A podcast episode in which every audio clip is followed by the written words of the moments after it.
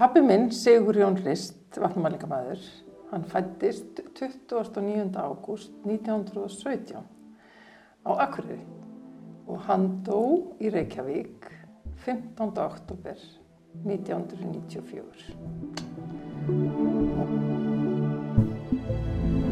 Og hann sem sagt fættist á Akureyri og bjóð þar með fóröldrum sínum e, til að byrja með.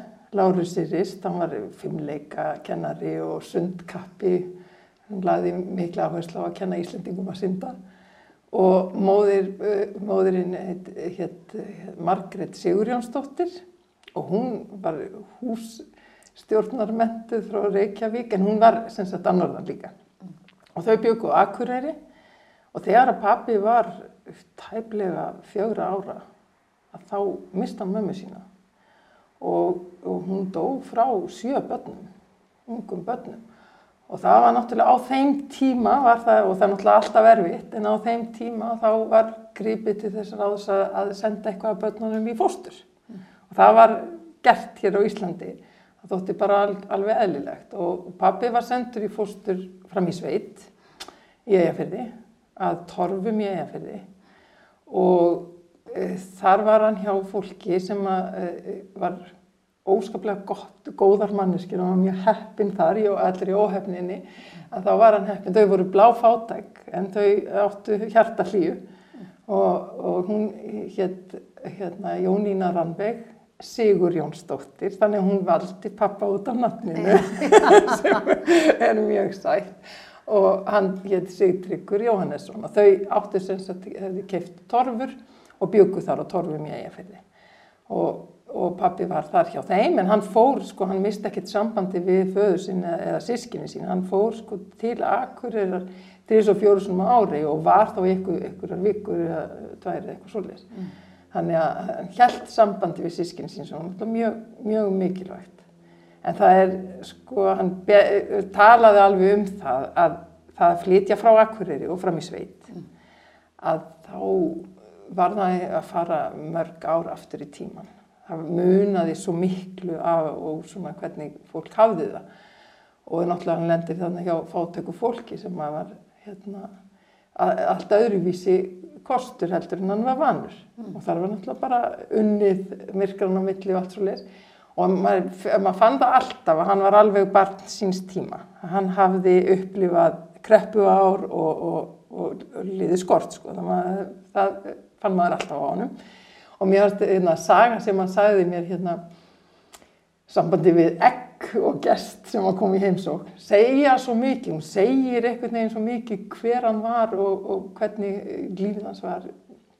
Hann var hann var e, bann hvað ætla hann hafi verið sex ára eitthvað slúðis þá var gestagarði að torfum og þá hérna, vita þau það fyrirfram að það er búin að þessum gesti og, og hérna, það er lagt á borð og hafði til matur fyrir hann og allt saman svo leiðis og, og svo því hérna, fylgist pabbi með sem lítill strákur fylgist með og sér að það eru tvö egg sem gesturinn á að fá. Já, hérna á gesturinn að fá bæði eggin spyr hann fórstur sína. Og hún segi já, en ef hann borðar ekki bæði eggin þá mátt þú fá annar og svo kemur gestur inn og segir sögur og upplifanir hvað hann hefur og þetta eins og var nú. Og, og það var hlust á þetta og alltaf satt lilli drengurinn og fyldist með. Og gesturinn borðar eitt egg og heldur áfram með söguna. Og hann hlustar. Og svo segir hann ætlar ekki að borða hitt eggið og þá náttúrulega áttaði gesturinn sjá að hann væri hjá fótæku fólki og, og bauð barninu ekkir en fóstrans þótti þið nú ekki vantu um þetta. Þetta, var, þetta var ekki góð hegðun. Svona gerir maður ekki. En þetta segir okkur svolítið í, sko, við setjum okkur í þessu spór það er ekkert barn á Íslandi sem myndi býða eftir einu ekki í langan langan tíma. Það er, það er svo, svo görbreytt heimsmyndin okkar sem betur fer en mér, þetta segir samt sko, að þetta er pappi minn Já. sem að, að, að upplýði þetta Já. og það finnst mér svolítið merkilegt það var náttúrulega fullorðin þegar hann nátti mig hann fættur 1917 og ég 1966 þannig að það er, hann er fullorðið þegar hann nátti mig en það er sama, að, að þetta er samt svo nálægt okkur í tíma. Allt, öll þessi örbir sko. En samt sem áður frá þessu einhvern veginn bröstan til menta, hann var student frá MA og svo held hann til Danmörkur eftir það, fór til Gaupmanafnar svo kom stríð. Þá kom hann heim og hann fór til, uh, var í síldinni til dæmis, hann var að vinna á kontornum á, á Siglufjörði og hann hefur upplifað það, svona skemmtileg síldara árin sko og mikið fjör. Og svo var hann að vinna líka á bílaverstaði á Akureyri, Mjölni og eitthvað svona og, og hafði all ofbáslegan að húa ferðalögun. Þannig að hann var í ferðarfélagi Akureyrar og svo var hann setið í Jöklansson-félaginu formað þess og alls konar svoleiðis. Þannig að hann var alltaf með hann ferða áhuga og svona jélar og tækni og allt þetta, veist, þannig að það er mikið náttúrulega því. Og svo fór hann, sko, þegar 47, þá tekur hann við vatnamælingum, eða tekur hann við, þær voru stopnaðast þá. Mm. Þannig að hann, er, hann var í fyrstu tíu árin í sögu vatnamælingu í Íslandi, var hann eini stafsmæður. Og hvað var hann þá búin að læra? Þá fór hann í tengslum við það, fór hann svo til Noregs og Svíþjóðar mm. og mentaði sig, hann ætlaði, ætlaði í haffræði en svo fór hann í, í, í vatna, vatnafræði og svo bætt hann við sig ykkur um námi líka í bandaríkjóns og setna sko. En, en það sem hann gerði sagt, í þessu uh, vatnamælingastúsi sínu, að þá fór hann um allt land og hann kom á kerfisbundnum vatnamælingum á Íslandi. Sem að því það, það var einhverjir voru búinir að mæla hinga og þangað og bændur voru búin að mæla kannski hugsaðu sér að rafstöður eitthvað að glöggva sig á, bara líka átnar voru náttúrulega erfiðar yfirferður og yngislegt en það var ekkert búið að gera sko sem var svona samhangandi við gáttum ekki lesið út úr þessum mælingum og tölum þannig að það var sett allt í, í, í skipulag mikið skipulag og pabbi einhvern veginn átti að segja á því að þetta væri hefði svona þýðingum fyrir framtíð Íslands upp á að fá ramagn mm. til dæmis mm. og bara ímis hlunnindi sem að skipti máli og svo líka bara átta sig á hvað við getum brúað og hvað er best að fara yfir og hvernig hagar áinn sér yfir veturinn og allt þetta þannig að hann hafði ofbáðslegan áhuga á þessu. Og hann var alveg að öllum öðrum ólastöðum mest í vinnu þjarkur sem ég á nokkuð tíman á æfinni sétt svo ósér hlifin og hann vann og hann vann og hann vann og hann hafði svo mikið áhuga og hann svo duglegur líka. Og bóðslega sterkur og bara þrautsegur alltaf. Og hann ætlaðist til þess að aðrir væri duglegir en hann ætlaðist til langmesta sjálfur sér, alltaf mm. og hann var alltaf til í að standa, standa þá vakt. Og það er alveg sko og maður sá það sko hérna, eins og sambandi við bara hérna fjölskylduna og fjölskyldulífið að það skiptir úrslega miklu máli vinnan. Og mamma mín, uh, Marja Sigurðardóttir, hún var fyrsti viðskiptafræðingur á Íslandi, gaf hún að skjóta því að, en hérna hún var fljóta átt að segja á því að það var ekkert hægt að fara fyrir okkur fjölskylduna, við fórum ekki frí á Íslandi af því hann fór ekki í frí á Íslandi. Það var alltaf sko komin að aðeins að kíkja þessa á, aðeins að kíkja þennan mæli og aðeins þetta. Þannig að við fórum í vatnamælingaferðir með hann Já. og það var mikil upplöfun og það var sko á þeim tíma var engin á ferðalagi, svo, eh, nánast engin á ferðalagi á Íslandi. Já. Það var engin upp á Hálendi. Ég menna ég var með í að, að stika sprengisand og það er alltaf merkilegt sko að það er svo stutt síðan að það var sko hálensferðir voru ekkert. Þetta við, vorum alltaf ekki með, nei, þessa bíla sem við erum með í dag og eitthvað svona. En við fórum e, fjölskyldan oft með og þá var svo eðlilegt og það lág honum svo eðlilega að þá unnu allir. Þannig að þegar ég var pínu lítið þá var ég berand einhver þungumæli tæki upp um fjöll og fyrnindi og og þú veist, og því ég var nýjára þegar við fórum í Ófegsfjörð til dæmis og þá er sko, þá er silt, að, það er þetta sigla þegar það var ekki hægt að keira, það var silt frá hérna Gjauri og silt inn í Ófegsfjörð og þá óttum við eftir að lappa með allar vistir, allar búin og allt saman upp á heiði og vera þar í marga daga. Í tjaldi? Já, já, og þetta er náttúrulega svakalig þingsli sko og þetta var bara, þetta var alveg eðlilegt. Hann fór einn á skýðum eh, hérna, alla vestfyrði til þess að mæla. En hann var óbúslega skipulega, hann skipulaði ferðina sína og það er mikilvægast að þú ferði í svona ferð, er það eitthvað vonaðir. og hann viti, viðkomandi viti hvenar þú ætlar að koma niður af fjöllunum eða að það eigi ykkur vonaði, það þurfti aldrei að leita hann. Það er alveg opáslega merkilt en það var ekki sko, náttúrulega búnaður með alltaf annar og erfiðari og svolítið. En honum fannst þetta alveg ofsalega gaman og held þessu strikki alveg hreint áfram og við sko ef við áttum að fara í frí þá var það til útlanda. En þá sko hann líka átnar Sko hann átnar, já, eins og í hvaða landi? eins og Ítali var það sjampó en það er bara eh, hluti að því að, að hafa svona ofbúrslegan áhuga á vinnunni er mikil gæfa.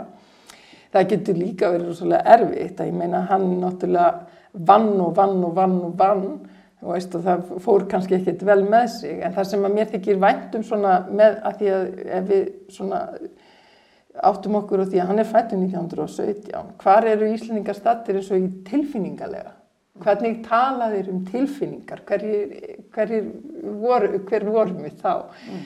og það er mér þykir svo væntum að hugsa til þess að hann var sko e, ótvírætt sem hann sagði, manni, sagði mér frá hvað hann þætti væntum mig til dæmis og það væri engum sem að þætti vætna um hann heldur en foreldrunum og, og þú veist þegar maður er barn og, mm. og þetta, þetta er svo fallett er svo, uh, og það er svo gott hann gæti nálgast þetta og nálgaðist svona margt af svo mikil lífyrðing og vættum þykju allt sambandi við náttúru Íslands. Alveg algjör virðing og vættum þykja hann þóttu óbúslega vættum Ísland og hann, þessi, allir þessi vinna sem hann laði á sig var ekkit fyrir hann endilega sjálfan hann var líka hugsa um framtíð Íslands. Hvað þetta, hver þetta myndi skila og þetta væri fyrir okkur öll. Og þannig að þetta er svo falleg hugsun. Og hún vek aldrei frá hann það var alltaf þetta að gera þetta fyrir okkur öll og fyrir Ísland. Það var ofslulega flott. En hérna og svo þetta sambandi ég man eftir uh, þegar ég var lítil eitthvað tíman og ég fekk eitthvað svona hérna kasta verða öfundsjúk út í einhverju vinkonu, hún átti eitthvað flott eða eitthvað, ég man ekki hvað það var einu sinni, en ég var lítil og hann settist hjá mér. Og ég man svo vel hvar við sátum á rúmstoknum mínum. Og hann var að út, hann útskýrði þetta fyrir mér. Og ég geti mér ekki endur tekið hvernig hann saði frá því hvað hann, hvað hann saði en, en hann útskýrði þetta svo vel. Og hann útskýrði fyrir mér að ef að ég tæki þátt í að því þarna ætti vinkonu mín eitthvað meira spennandi heldur en ég en ef að ég tæki þátt í því að því að ég tæki þátt í hennar gleði og samglettist henni þá er ég sjálfkrafa hluti af því. Og þannig myndi ég fá þessa gleði líka. Og þetta er, þetta er bara grunnur að kærleika og nánga kærleika og öllu því. Og þetta, hann útskýr þetta svo vel að þetta er alveg, þetta er svo oft komið upp í hugan, já, einmitt. Og það hefur margir mátt hlusta betur á þessa ræðu. Og því er gjöf að, að kenna þetta. æðisleg gjöf, það er æðislegt. Að því þetta er svo gott veganesti í lífinu. Já Svo er annað sem að ég gleymi aldrei sem að mér þykir svo vendum og hafði, hefur haft mikil áhrif á alla í kringum hann. Að það var þessi að því að hann var landstektur og hann var tektur fyrir að vera sterkur og duglegur og maður heyrði það allstar og fann það allstar sem að kom alltaf þegar Sigurjón Rister komi þá voru einhvern veginn allir öryggir. Já, já, já, það var bara eða sprakka okkur um bíli eða slitniðu keðjur eða výrar eða eitthvað Sigrun Rister hérna. Og þá var þetta komið sko. þá var þetta, þú veist, var, það var alltaf solis og hann var svona þú veist, já, öryggi í kringum ég minna, ég horfði á hann út í stórfljótum og, og, rosalegu hérna, djúpum ám og ströymhörðum, ég var aldrei hrættum hann, við vorum aldrei smegum hann. Þannig að þú veist, það var alveg, það var alveg soliðis mm. en, en og þjóðþektur einstaklingur ég minna, það var flóðið eitthvað það var alltaf hringt að stoppa ekki símin heima og eitthvað svona. En það sem var svo fallegt var það að hann var ekkit yfir aðra hafin og hann passaði til dæmis eins og minnistætt að þeir voru hérna, krakkar og unglingar að byrja út dagblöðin á þessum tíma. Já. og það var hérna, krakkar sem vöknuðu snemma og bári í all húsin og, og svo þurftu þau að ganga inn í, í, í, í sömu hús og rukka. Nokkur um dögum setna, alltaf einu sinni í mánu átt að rukka fyrir þetta blað og þau þurftu að koma og, og, um, um kvöld heim til fólksins og það var svo mikið atriði í lífið pappa að peningurinn væri tilbúin svo bladburðabarni eða álingurinn eða hver sem það var þyrti ekki að koma aftur. Af því að við myndum segja að það er ekki til peningurinn ekki tilbúin með hann eða eitthvað og hann ringdi sko frá hátt uppi á fjöllum eitthvað stað langt í burti, það voru náttúrulega ekkert farsímar ennitt og það þurfti að fara í gegnum Guðunesradio og Guðunesradio og vatnamælinga kalla og allt þetta. Já. og svo ná að ringja og Guðunes ringdi heim og það bara verður að vera tilbúin 750 krónur. Af því að það verður rykka fyrir blæðið á morgun. Og þetta bara, og þetta var alveg ofubáðslega mikilvægt. Þegar að hérna, og þetta er virðing fyrir náungana. Og svo þegar, þegar þau skipti sem hann var heima sjálfur þá vildi hann nú ekki missa af því þegar það var komið úr að þá bauð hann alltaf inn í fórstofu og svo spjallaði hann við manneskjuna sem bar út blaðið á jafn, jafningja basis og það var svo flott, var svo, ég, ég horfði á fólki stækka og vaks og dafna. Í, í samtali við að því það náttúrulega var búið að sjá hann í blöðum og, og sjónvarpi og allt en svo bara jæja og hvernig gengur nú starfið? Og allt þetta. Og þetta var svo, þetta voru óbóðslega falleg augnablík í að það, og það var alltaf svona. Alltaf þessi, þessi jafningja framkoma.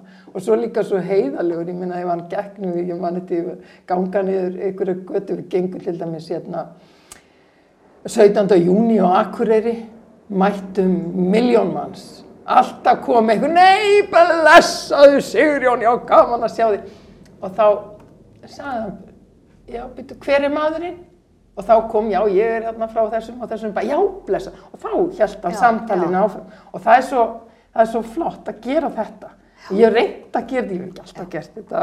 Stundu ég sagt það ekki, ekki farið alveg allir þessa leið. En það þetta er svo heiðalegt og þetta, svo, þetta skiptir svo miklu máli það, þá gata nátt gott samtal við, við fólki sko, sem hann mætti á förnum vegi. Þannig að hann skildi eftir sig svoleiðis og maður finnur það alls það sem að kemur að það að hann hefur gott orðspor og það er óbáslega gott og hefur reynst mér mjög farsælt í lífinu að, að, að búa að því öllu þessu.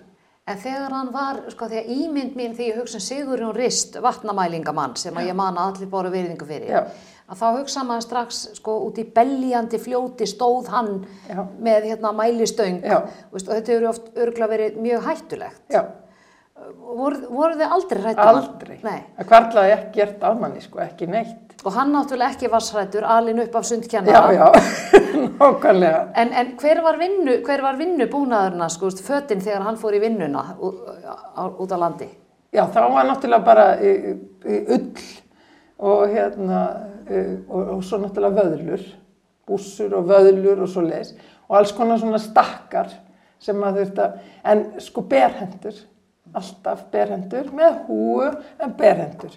Oft með húu en ekkert alltaf, en, en, en alltaf berhendur og það er þannig að hendurnar þar aðlaga sig kuldanum og hann gæti verið berhendur út í ofsalegum kulda og haldið á ísjökum og allt svo leiðis. En, en átti hins vegar erfitt með það því að vinur hans einhver tíman var að tala um þetta, sá, sá var sko, vann með hérna, hvað heitir það, hérna, heitt, já, já, og, hérna, og sá var vannur að hamra játnið heitt, sko, en hann, þú getur ekki verið berhendur í þessu og allt sem var svoleiðis en svo þegar hann pappi kom í smiðjuna hjá vinni sínum, þá gæti hann alls ekki haldið á því sem hinn held á þessu heita Já. sko. þannig að það, það er aðlugun algjörlega sko. Hendurnar aðlega Já, að gera það En, en hvað, hérna, hvað vann hann lengi í svona erfiðu starfi? Hvað gæti hann unnið? Hann vann lengi, hann var alveg sko, uh, var nú uh, því miður veiktist hann uh, þegar hann var uh, 60 og 30 ára eitthvað svo leiðis og þá svona dróða hans úr því en hann fór áfram í einhverjar ferðir eftir það og það sem er svolítið merkilegt við þetta sko, hann, hann, og þá var hann, ég meina yfir 60 er hann að þvælast um allt land upp um fjöll og fyrnindi en þá og kannski hefur það verið ómikið fyrir hann að því hann var svo mikill vinnuþjarkur og svo ósérlífin sko. að hann e, fekk sem sagt, hérna, hann lamaðist vinstramegin þá heldur maður áfram að geta talað en, en sem sagt að hann var alveg lamaður vinstramegin og það var e, alveg ömurlegt fyrir hann algjörlega ömurlegt fyrir þennan dugnaðarþjark að geta ekki hreift sig og vera háður öðrum og bara þurfi. En það sem hann gerði, að það var það að hann uh, vildi endurhæfingu og hann fór, fór í mikla endurhæfingu og hann var ofbóðslega duglegur og harð bara eins og hann var. Já, Það sem að kom út úr því og það sem að var sko þegar hann veikist og svona fólk er að spyrja já, hvernig líður þér? Þá sagði hann mér líður djöfulega.